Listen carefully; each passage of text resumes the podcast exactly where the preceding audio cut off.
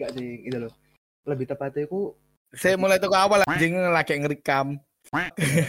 oke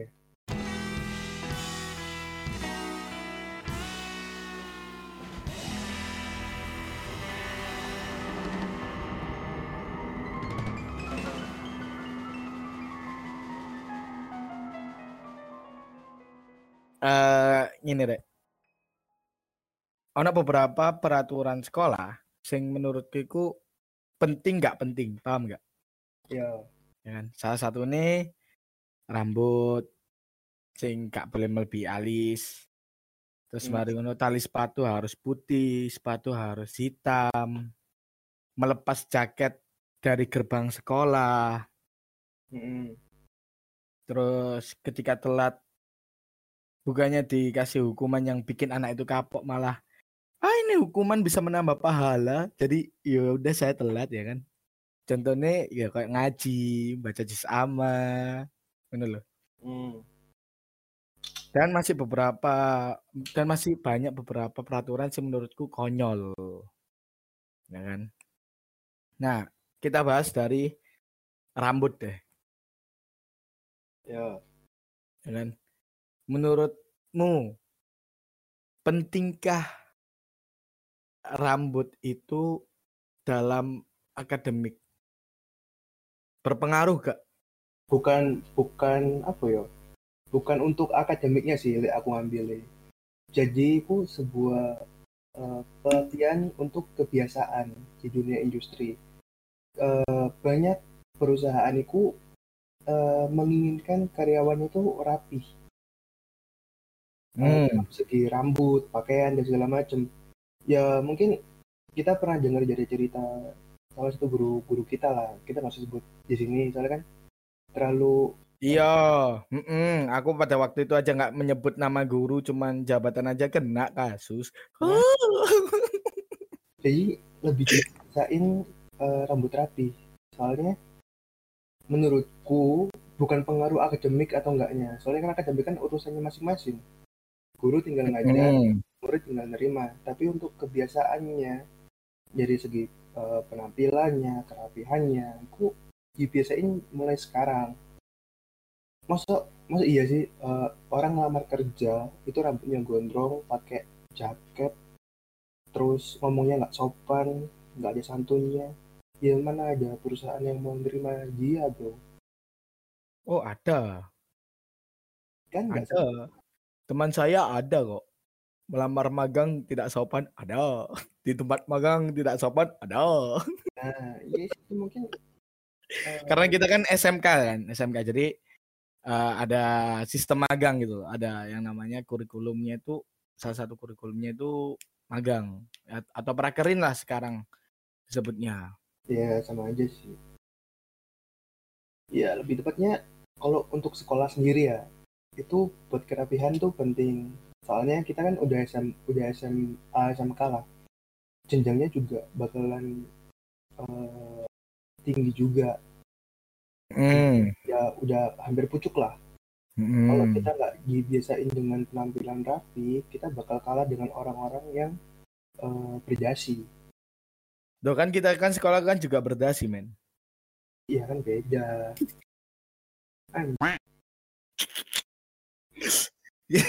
kan bener. Kita sekolah juga berdasi gitu loh. Dasinya macem-macem. Dari SD dasi warna merah. SMP warna biru. SMA atau sederajatnya abu-abu ya kan.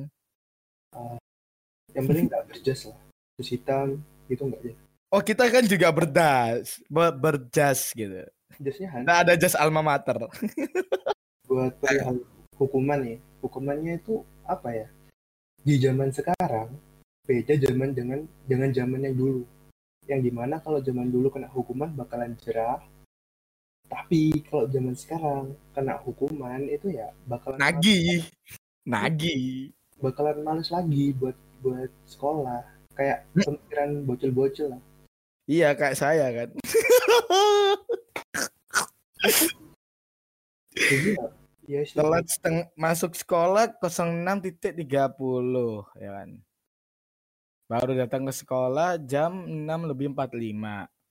Terus besoknya lebih parah jam 7. Besoknya lagi setengah 8. Lama kelamaan baru masuk itu di habis istirahat.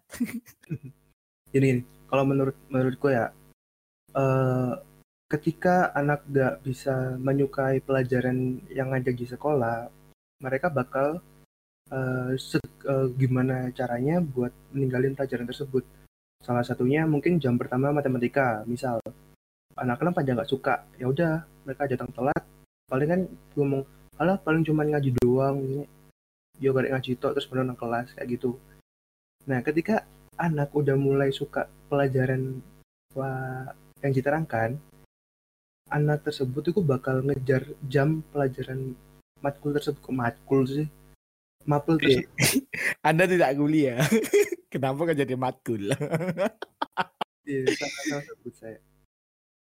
Nah, Gimana caranya ya? Aku nggak mau telat, soalnya ini eh, mapelnya penting banget buat aku ke depannya. Gitu. enggak enggak, gini gini. Balik lagi ke masalah rambut ya. Hmm. Apa ya? Oke. Eh, untuk kerapihan biar enak di- dilihat juga ya kan. Karena banyak juga beberapa perusahaan itu persyaratannya adalah good looking. Good looking itu nggak cuman tampang kamu ganteng atau cantik enggak, tapi eh, personality yang kamu tonjolkan dengan cara kamu berpakaian pun juga mendapatkan penilaian. Oke. Nah, Nah, itu- gini, gini, gini, gini. Yang aku permasalahkan itu adalah cara guru-guru mengatasi rambut anak-anak yang melebihi batas dari peraturan sekolah. Oke. Hmm. Kayak motong rambutnya ngasal, sakar pudele dhewe ngono kayak Sampai jeru. Ngetoke jeru, metale jeru. Ah, Kayak ya ya apa ya? Awak dhewe ku mungkin ada beberapa cowok yang kepedeannya itu di rambut. Iya kan? Iya. eh, mungkin actually semua cowok aku kepedean di rambut sih. Nah, kalau misalkan nih eh, guru-guru itu dikasih bekal cara motong yang baik dan benar, ya kan? Nggak usah yang proper kayak yang di barbershop, nggak usah. Maksudnya tuh biar kelihatan rapi tuh bagaimana sih?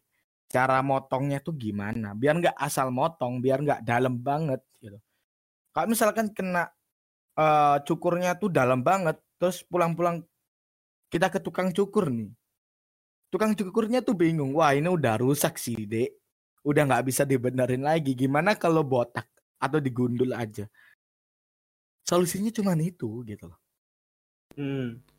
Iya Dan makin banyak anak yang nggak pede buat eh ke sekolah karena rambutnya itu juga bisa berpengaruh ke akademik sebenarnya.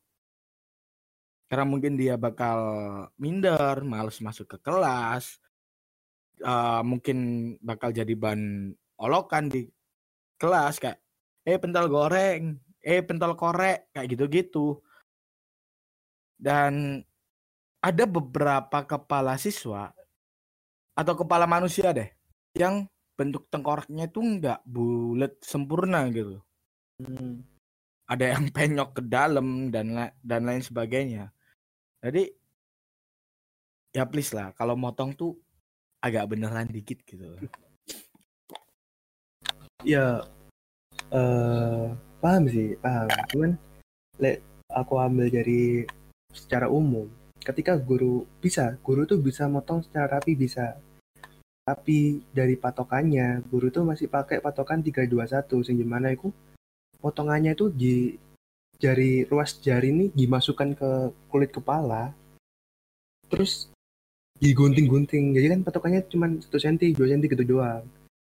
Itu sih yang lebih tepatnya salah. Tapi kalau guru tuh dikasih petalan eh, sebetulnya petalan nah petalan yang rapi. Murid-murid nggak ada yang ke barber bro.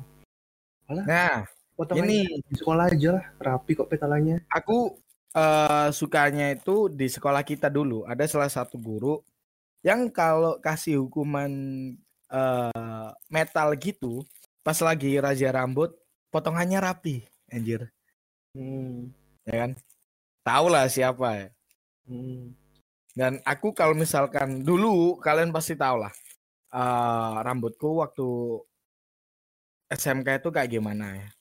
Panjang, males buat dipotong. Dengan PD-nya dikuncir lewat depan ruang guru, keluar masuk keluar gu, uh, ruang guru dikuncir ya kan. Nah, itu salah sih, Bro. Terus pada waktu ada razia rambut, aku selalu request, boleh nggak Pak, Bu, uh, aku dicukur sama Pak ini gitu. Dan iya boleh ya, dan hasilnya bagus. Tidak seperti waktu saya mau magang. Ya, menurutku rambut rambut kalau kita lihat secara secara anak sekolah ya rambutku nggak pengaruh sama akademis. Cuman kan sekolah bakalan mikir nanti kan lulusannya alumni itu bakal ke mana ke mana ke mana dan sekolah itu ngehindarin kata kata-kata buruk pada alumninya untuk perusahaannya. Jadi menurutku sekolahku pingin, nah. sekolahku pingin alumni itu lulus dengan rapi, berwibawa dan diterima di perusahaan-perusahaan ternama dengan yang dari sekolah dan segala macam. Gini gini gini. Uh, ada beberapa alumni di sekolah kita tuh yang rambutnya panjang. Ya. Yang udah bisa dikatakan kerjanya enak lah. Hmm. Bahkan ada yang jadi CEO. Nah, ngonek ini anjing cek internal untuk penampilan kan dari segi masing-masing. Seumpamanya mereka udah dianggap sukses dan mereka punya power ya mereka bebas dan penampilannya kayak gimana. Soalnya mereka itu udah punya apa ya kayak pengalaman lebih jauh daripada yang sebelum-sebelumnya. Atau juga mereka mungkin udah nikah udah, udah berkeluarga kan ya tergantung mereka penampilannya seperti apa. Yang penting mereka udah mendapatkan apa yang mereka mau, apa yang mereka inginkan. Dia entah mau tatoan, entah mau tinggikan, entah mau rambut panjang. Kalau mereka jadi owner, jadi CEO, ya why not? Nah, gini. Mereka yang membayar. Nah, aku masih ada sanggahan banyak. Uh, ada beberapa yang juga perusahaan nih kayak oh ya udah rambut kamu panjang nggak ada masalah kamu alumni di sekolah itu juga nggak ada masalah gitu yang penting kinerja kamu bagus, nama sekolah juga tetap bagus. Hmm. Ketika uh, kamu men, uh, ngasih feedback ke perusahaan itu dengan feedback yang positif, maka nama sekolah juga bakal ikut positif. Dan mungkin adik-adik kelasmu yang nanti bakal lulus mau ngelamar di tempat kamu kerja itu lebih dipermudah Nah. Karena ini udah ada contoh alumni yang kinerjanya bagus walaupun rambutnya gondrong, ada yang tindikan, ada yang pakai tato. Iya, yeah, I know. Ini kan balik tadi yang aku bilang. Ketika orang udah jadi alumni mungkin ya, udah rambutnya gondrong, tindikan, tatoan segala macam, tapi mereka udah mendapatkan apa yang mereka cari, misal kerjaan yang udah cukup mumpuni bagi keluarganya dia, ya kan bebas atau juga dari perusahaan kan nggak ada ketentuannya jadi kan nggak masalah kecuali kalau perusahaan-perusahaan yang mengharuskan untuk kerapihan. Ya kalau dia melamarnya di BUMN atau ikut CPNS kayak ya. gitu memang harus gitu loh. Tapi kalau misalkan dia kerjanya di UMKM atau uh, di startup startup yang baru gitu. Hmm. kayak contohnya itu gitu ya kan. I ya ya di itu semua tergantung dari perusahaannya masing-masing. Mm -hmm. yang diinginkan semua perusahaan itu punya karyawan yang punya solidaritas tinggi skill utamanya juga dapat terus uh, punya pemikiran yang luas nggak pendek. Itu sih semua perusahaan-perusahaan pasti pengen punya itu. Tapi yang uh, banyak juga perusahaan itu menginginkan karyawannya itu untuk kerapiannya nggak harus BUMN atau CMNS bahkan banyak juga uh, industri kreatif itu mengharuskan karyawannya untuk ber berpenampilan rapi ketika ketemu klien dan segala macam. Oh iya jelas, iya jelas. Kalau rambut, tidak mungkin dong ketemu klien gondrong gitu. Kalau rambutnya panjang tapi enak dilihat, ya nggak masalah. Semisal kayak stylenya udah kayak gitu tapi kalau uh, rambut panjangnya acak-acakan semrawut ya kalian mana bisa kena sama kita gitu bro. Kayak gitu sih bro. Nah mungkin dari teman satu kita nih ya kan? Dari tadi diam aja bro. Mungkin bisa ngasih uh, sebuah opini atau argumentasi yang udah kamu simpen gitu Bagaimana Mas Raya Akbar Tiarwi Bowo? Sekali. EKE tukang terang bulan eh. Halo. Ada apa nih, gengs? ada apa dong? Kita sudah membahas panjang lebar dia berbicara dengan Santi. Ada apa nih, gengs? Kan bahasa basi kan, kan bahasa basi. Kan. langsung langsung gas kan lo. Perlu proses. Oh, perlu proses ya. Seperti ya, mendekati dia. Hashtag percaya proses. Hashtag Bismillah 2021 with Hashtag percaya proses. Yuk, kan mau kan bahas tentang apa? Rambut ya, rambut. Rambut ya, rambut. Hmm. Nah, memang benar dari ini. Ya, rambut itu gak mempengaruhi nilai akademik, tapi sekolah itu gak hanya nilai akademik yang dinilai. Jadi ono sing jenenge non akademik ya koyo prestasi mendik luar, terus uh, uh, cara mau bersosialisasi. Karena sekolah itu tujuannya ya kalian bersosialisasi plus belajar sebenarnya. Jadi yang perlu di garis itu sosialisasi. Nah, ya misalnya kita bersosialisasi dengan orang yang lebih tua, apa yang senior, apa yang yo dalam tanda kutip itu wis tua lah ya.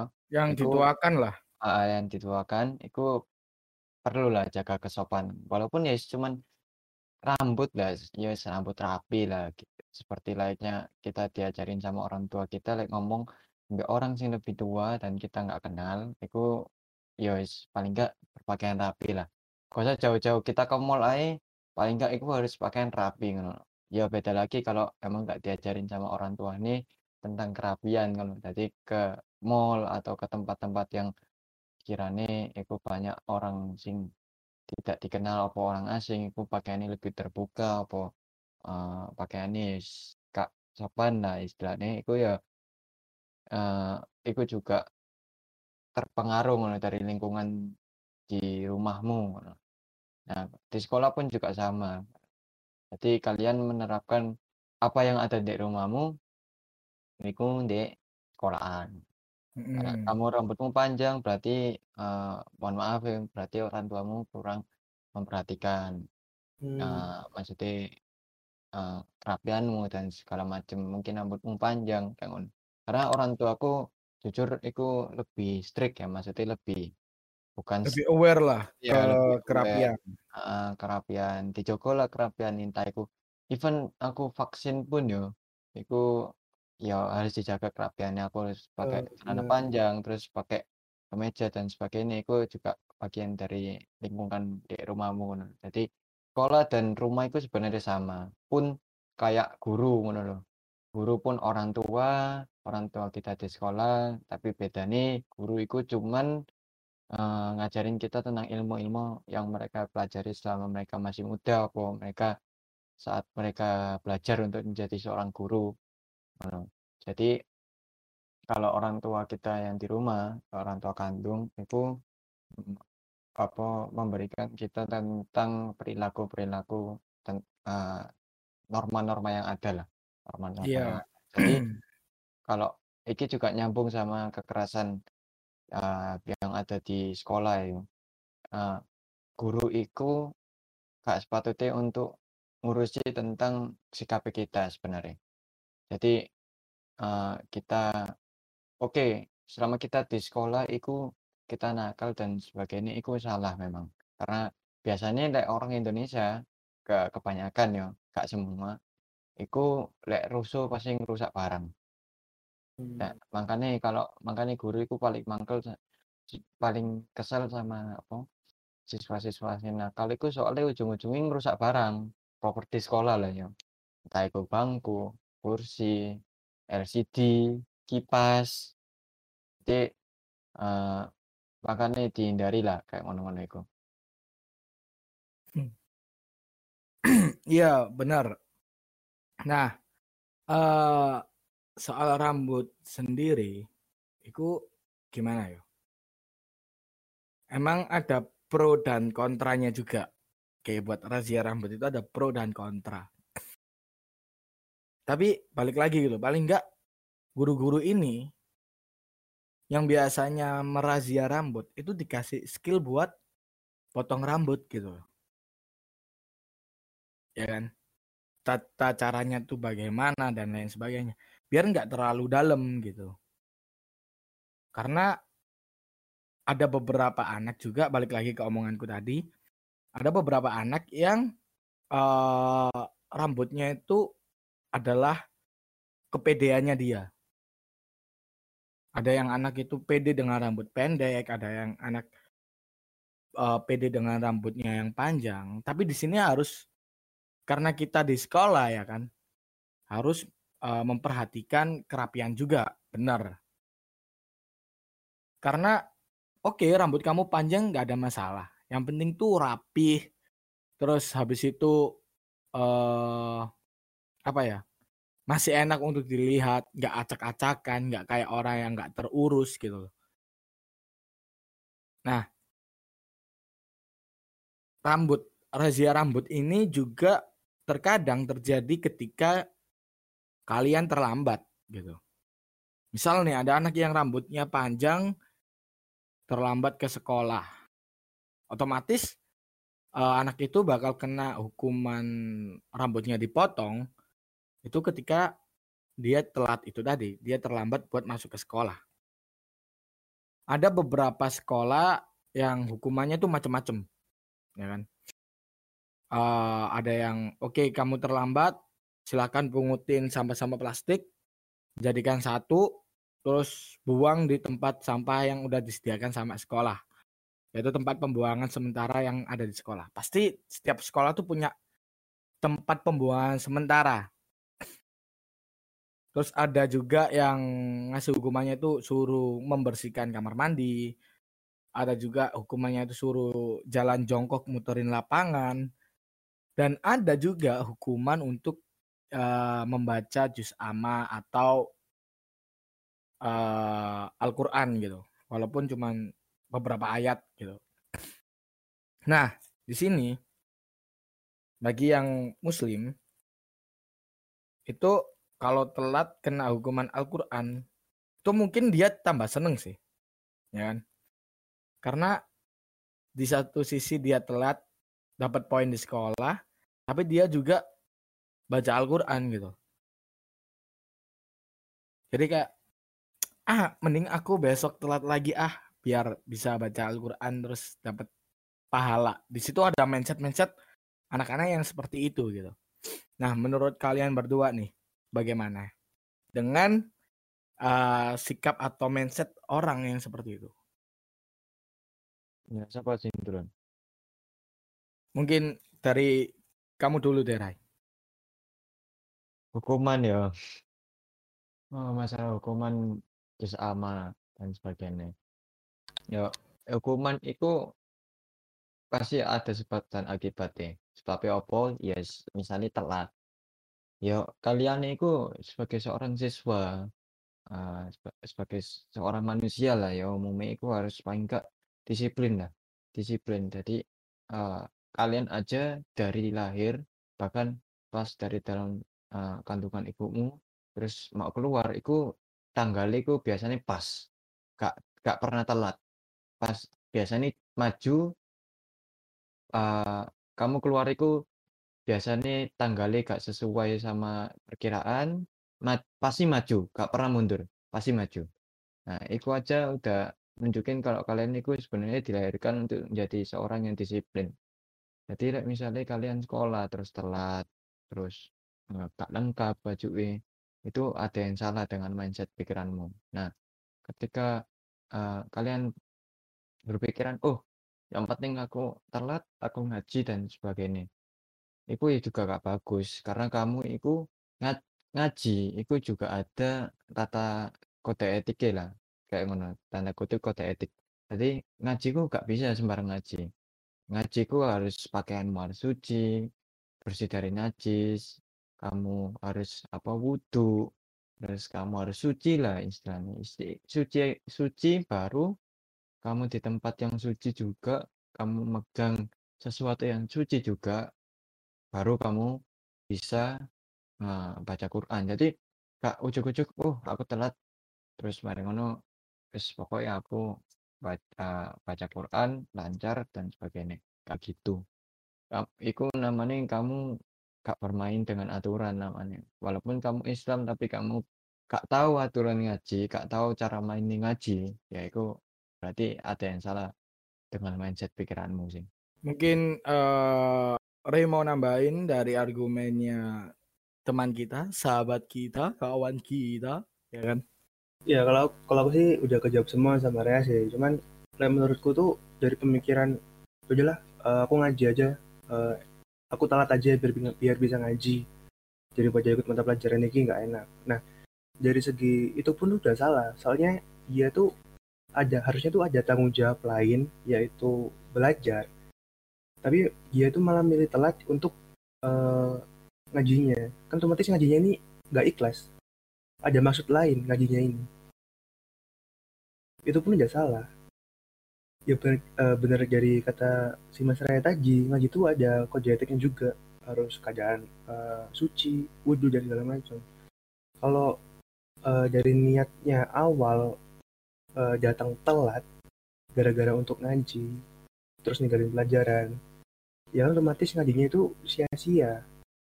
Soalnya itu mereka ngaji karena ada maksud lain. Gitu.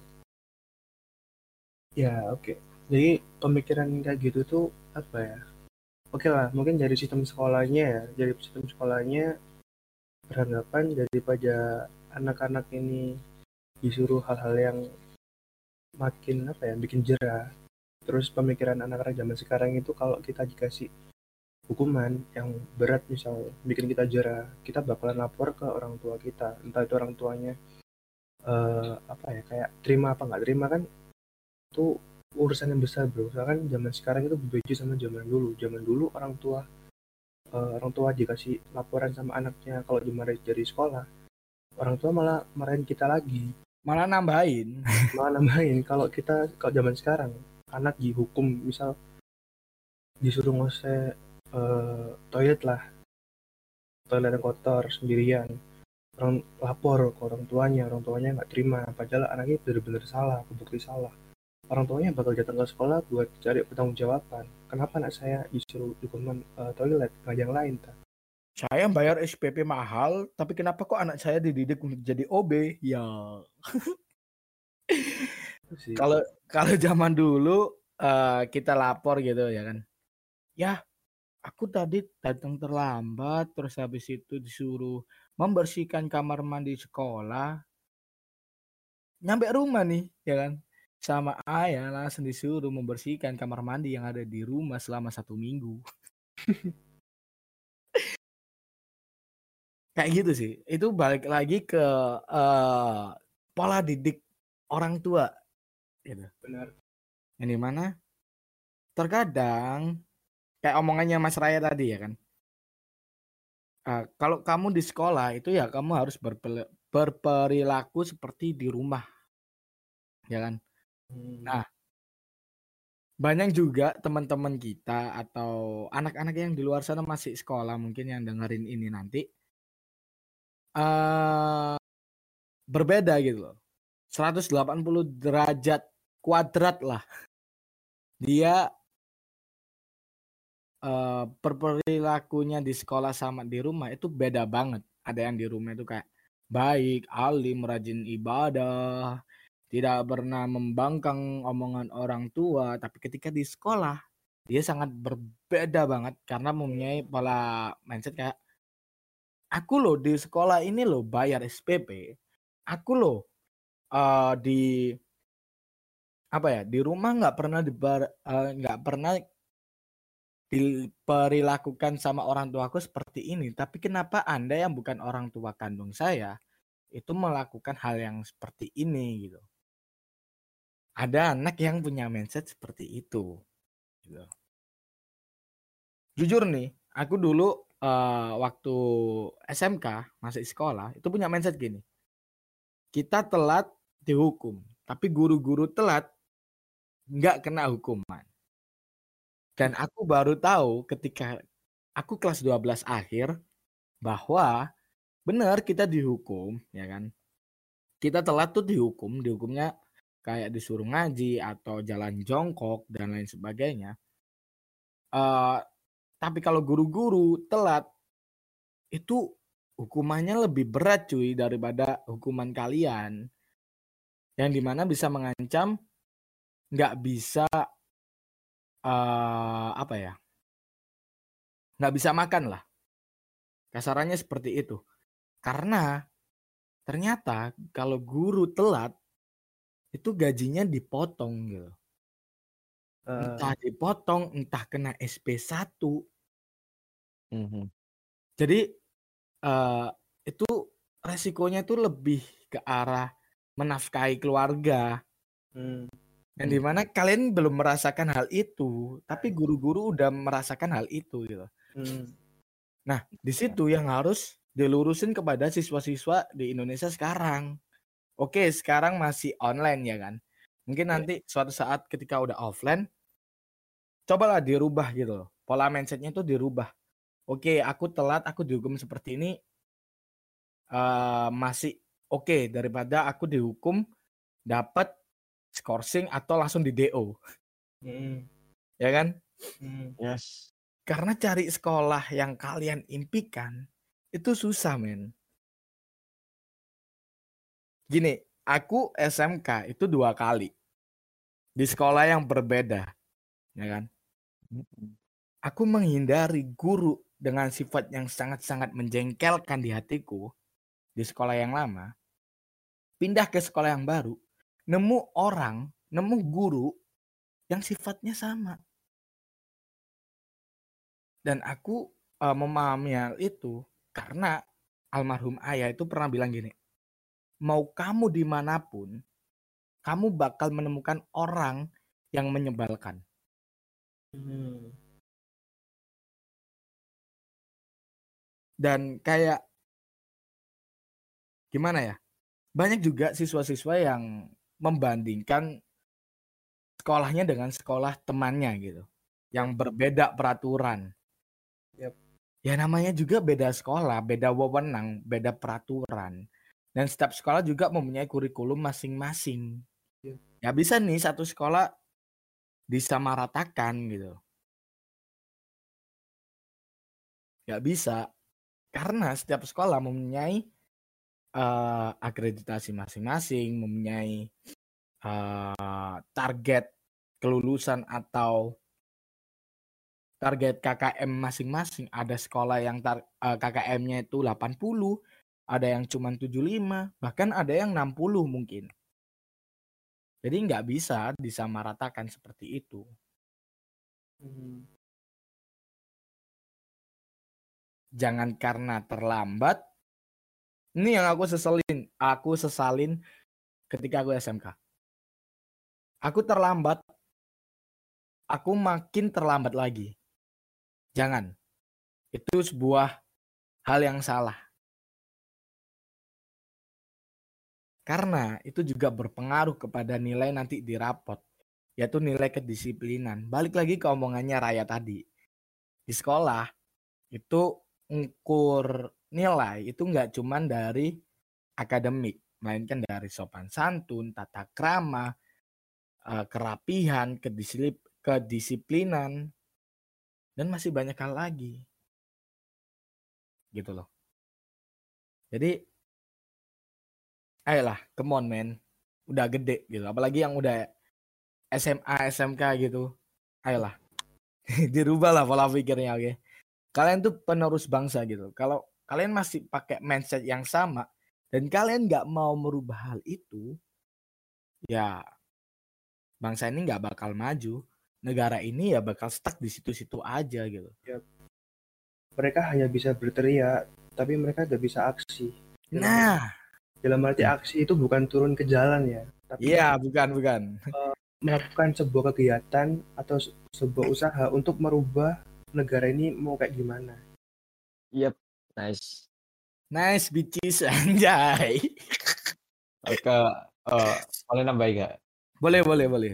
Apa KTT apa? KTP Wiram? Apa cek terus sih? Cek terus, cek terus. Terus. Ya gini, mindset SP pokoknya aku bayar SPP. Pokoknya saya bayar SPP, I can do everything in school. Kepala hukum. Ya kayak gitu.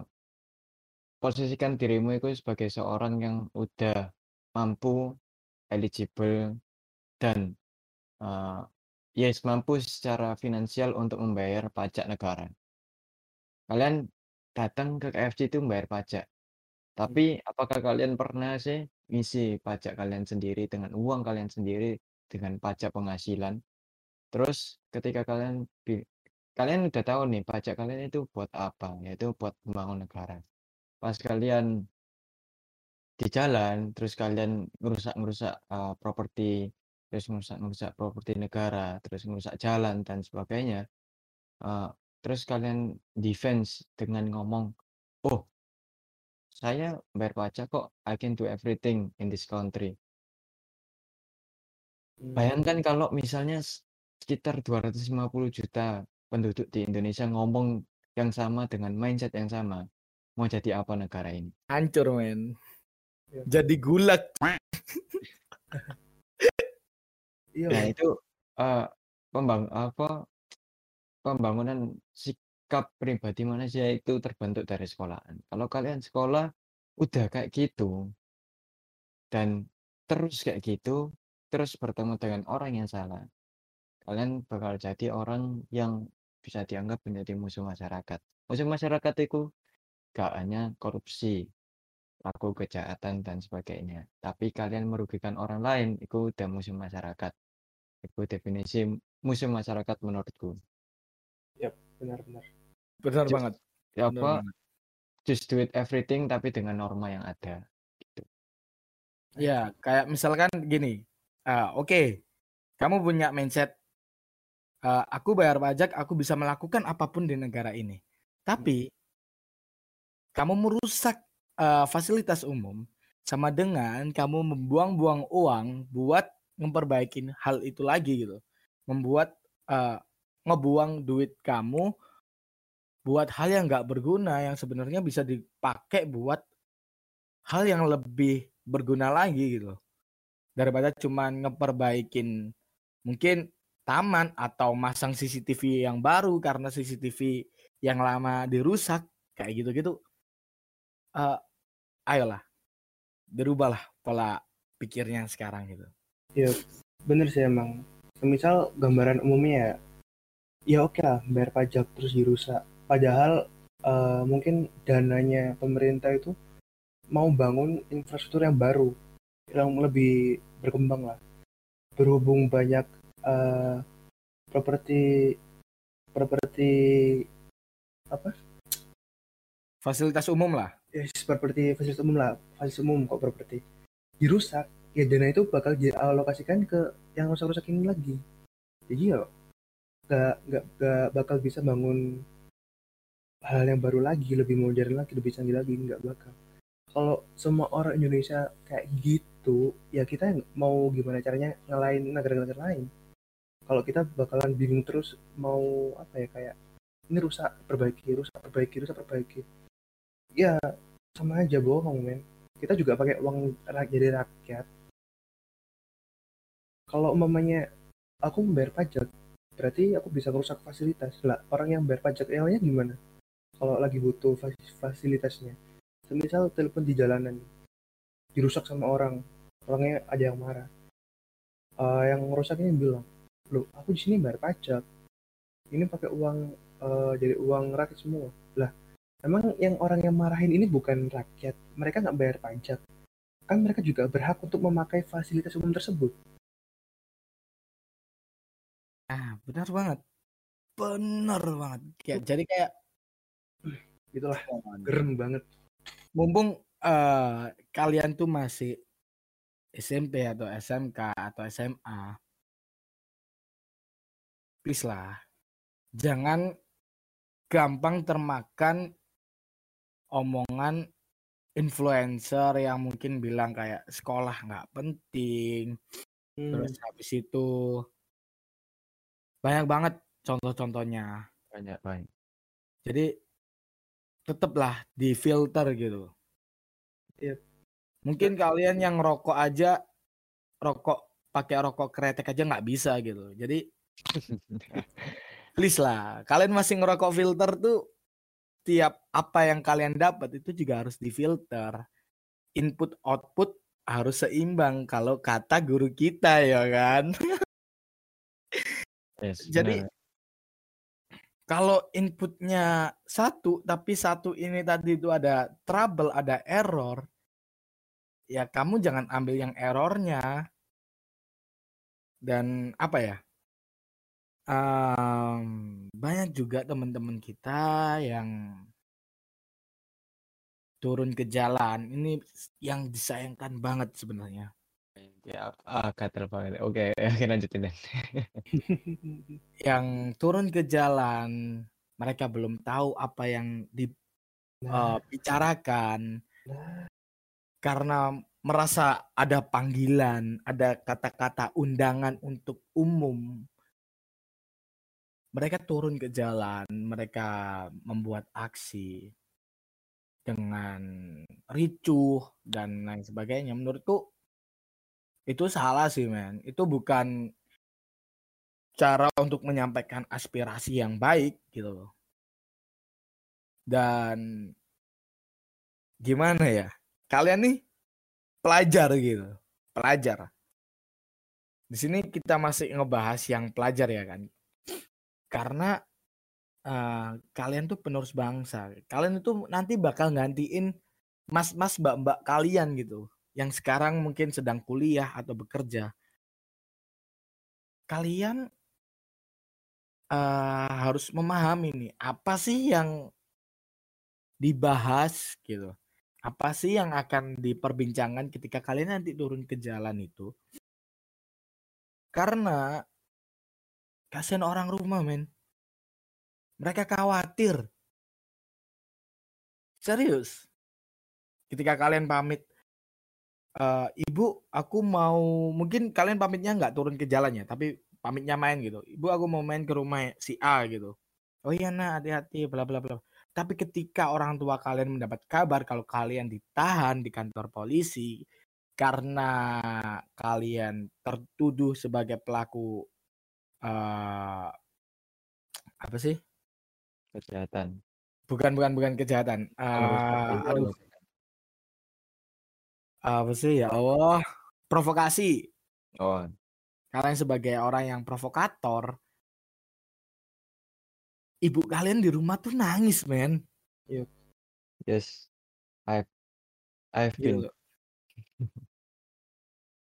Aku kenapa bisa ngomong kayak gini? Karena pada aksi di tahun kemarin 2020 yang rame banget, ada tetanggaku yang masih SMP, dia turun ke jalan, tapi nggak bilang ke orang rumah.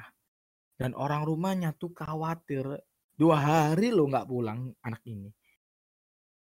Ke mana anak ini? Nangis. Ibu Yes, sama neneknya yang di rumah nangis. oke Mm-mm. Karena khawatir anaknya nih ke mana gitu.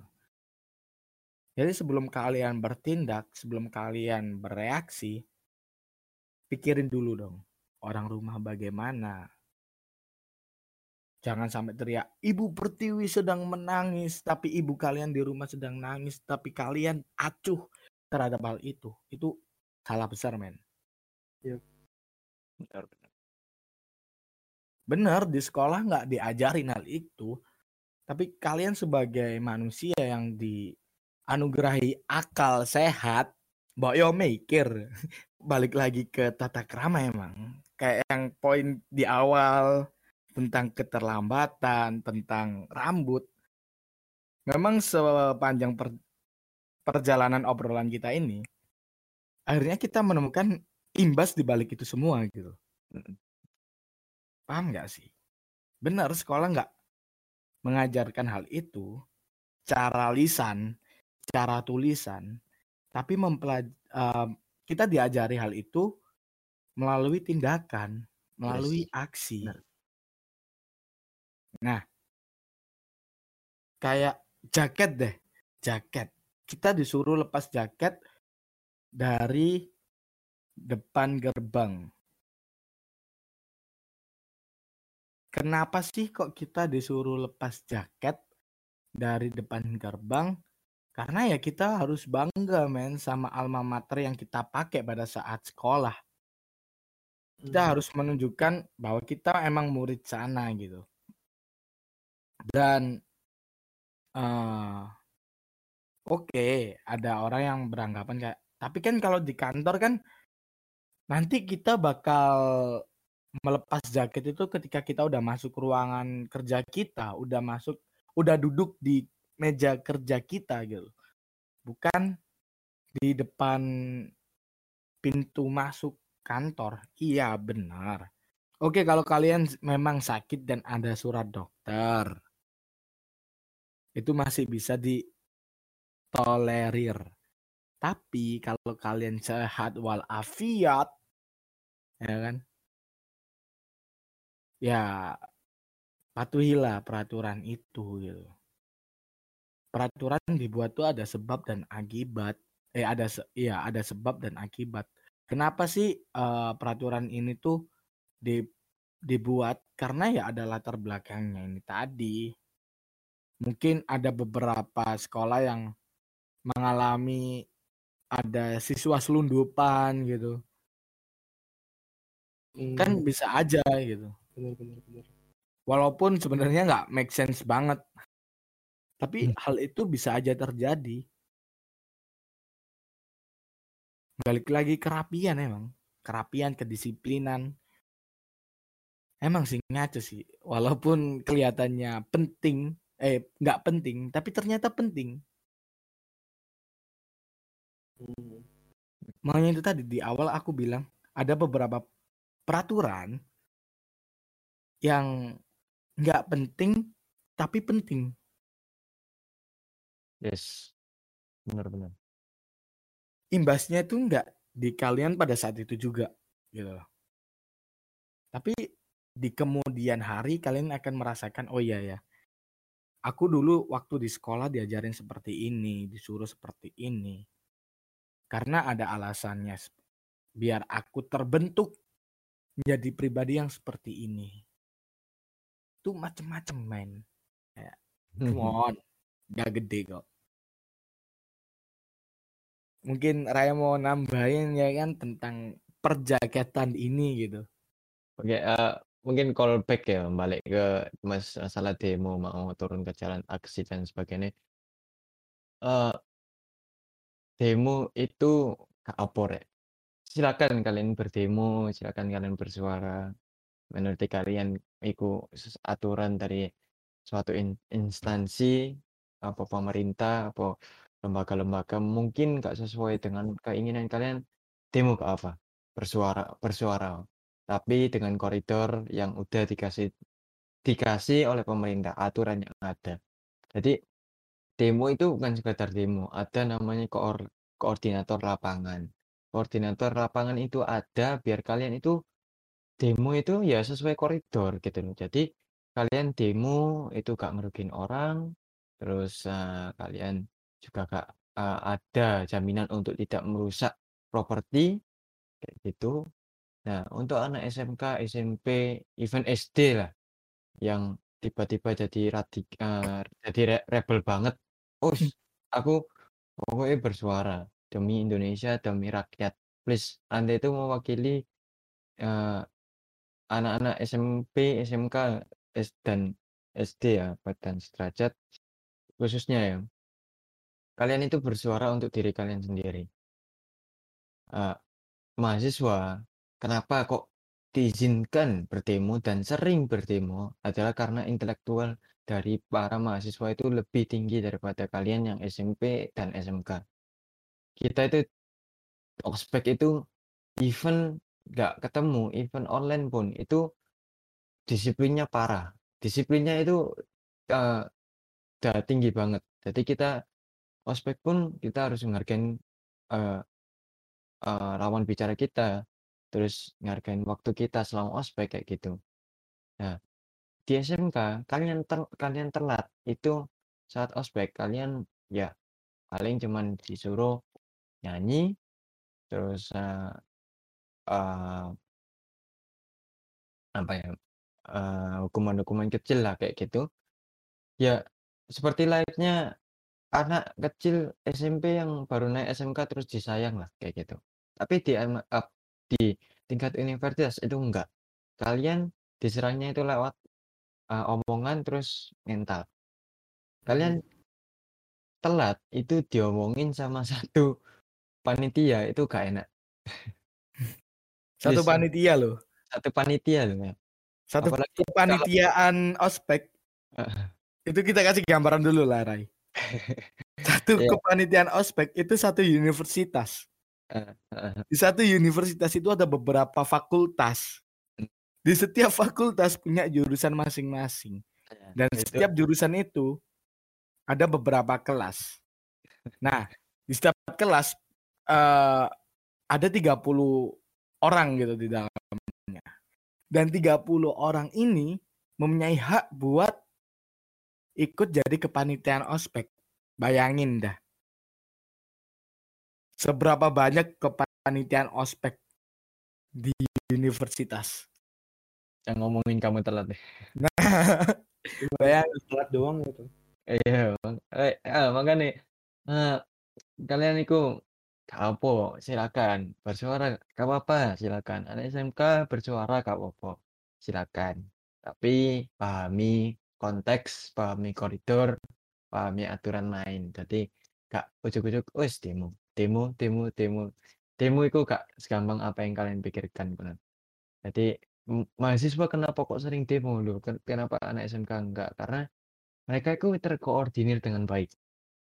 Kalau kalian apa kiranya, "Oh, mahasiswa demo ngerusak barang, ngerusak ngerusak properti negara dan sebagainya." Kalian nggak lihat sisi baiknya.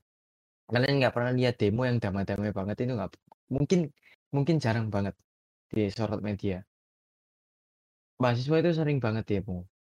Demo ke yun uh, ke demo ke rektorat sendiri pun sering banget Oh, sering. Sangat sering. Dan itu, uh, dengan sopan dengan sopan, walaupun pakai banner panjang-panjang, pakai, uh, back even pakai backdrop yang gede banget gitu loh. Ya itu itu pun dengan dengan gaya lah, demo dengan gaya. Jadi ada uh, ada style dari mahasiswa itu sendiri untuk membicarakan tentang apa yang mereka ingin bicarakan gitu, apa yang salah gitu. Dan misalnya Uh, terus kenapa kok mahasiswa sering banget demo?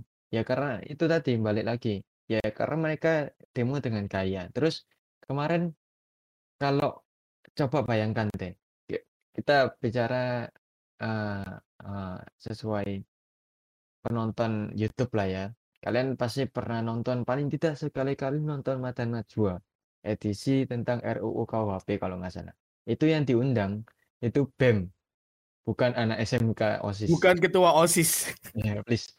Karena karena seleksi BEM, HIMA, event event HIMA atau UKM itu susahnya minta ampun. Berat banget banget.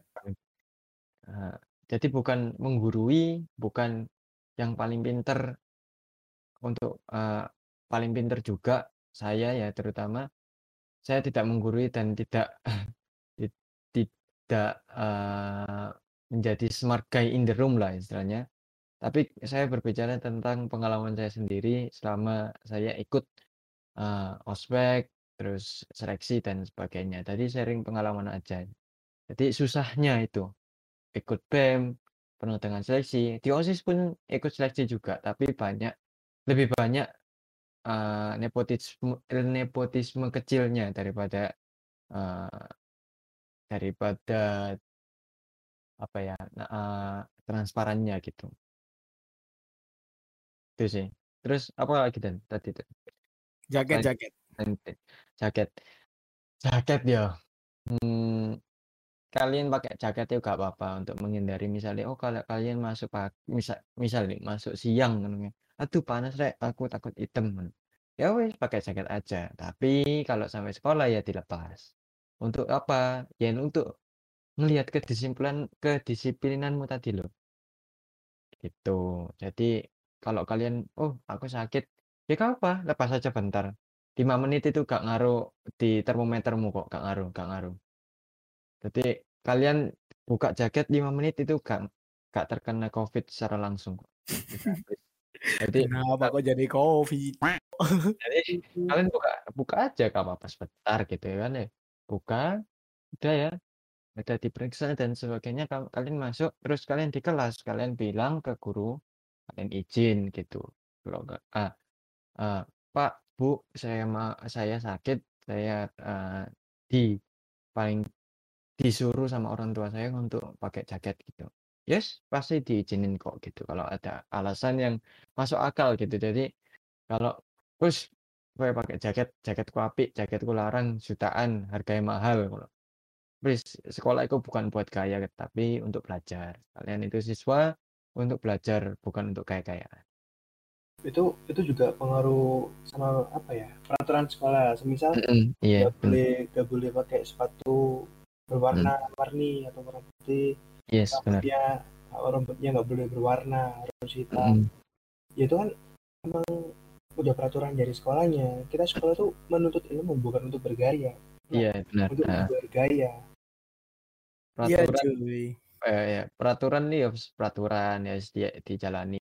Dan ada yang bilang peraturan itu untuk dilanggar. Yes tapi nggak semua peraturan dilanggar gitu loh. Iya. jadi lanjut lanjut. Kayaknya tuh ada yang mau diomongin lagi tuh ya kan. Lek lek aku sih lek aku bicara tentang pengalaman lagi ya sharing. Eh, aku itu di rumah itu dengan keluarga yang strict tentang peraturan ya tadi udah aku eh, omongin juga. Terus aku juga mau sharing eh, aku waktu kecil itu udah apa ya maksudnya keras banget lah. Jadi eh, saya juga pernah jadi se- seorang pelaku kejahatan kecil lah ya dalam tanda kutip. Itu itu bukan pengaruh dari rumah guys. Bukan bukan bukan pengaruh dari rumah tapi pengaruh dari luar jadi eh, kalian di sekolah itu kalau kalian nakal itu ada dua kem- sebenarnya ada cuma satu kemungkinan aja yaitu lingkungan di luar rumahmu itu yang bahaya Hmm. di fil- filter teman yang baik gak semua teman yang baik sekarang itu baik gak, wah, untuk kamu di masa depan oke sekarang I have, I have five fifty fifty friends gitu ya Ah, saya punya li, 50 teman baik sekarang. Tapi ketika kamu udah lulus SMK belum tentu 50 teman itu balik ke kamu lagi gitu jadi teman yang baik. Mungkin tinggal lima tinggal tiga tinggal empat yang benar-benar baik deh kamu. Jadi filter eh, teman itu sebaik mungkin. Gitu. Jadi percayalah. eh, semakin kalian tumbuh dewasa, semakin sedikit teman kalian. eh, apalagi kalau kalian udah berkeluarga ya. Kalian udah punya istri kalian udah punya anak pasti mikirnya ya keluarga kecil gitu loh. Keluarga kecil keluarga besar gitu. Nggak mungkin yes mungkin ketemu teman ya cuman sekitar setahun sekali lah gitu. Lebih banyak ketemu sama keluarga gitu.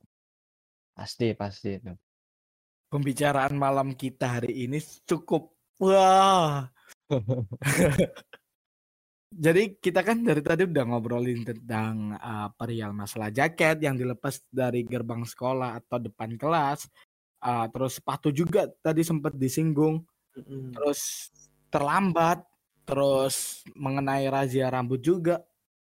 Dan juga LDKS. Sebenarnya semua itu. Dan kita juga, aku hampir lupa. Menyinggung tentang pelajar-pelajar yang ikut demo.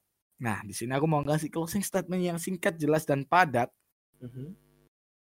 Semua yang udah di yang udah dikasih sama sekolah kayak peraturan sekolah dan lain-lain itu semua bakal berguna buat kehidupan kalian selanjutnya gitu.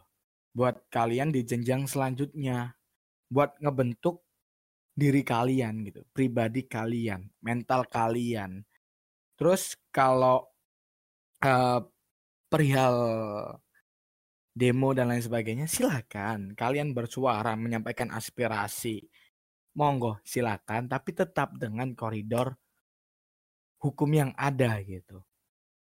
Dan juga terakhir di mana eh, di mana bumi itu dipijak, maka di situlah langit itu dijunjung.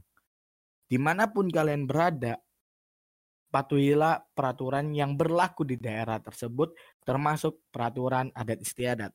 Dan sekian dari Gembil dan kawan-kawan, sampai jumpa di next episode. Bye bye.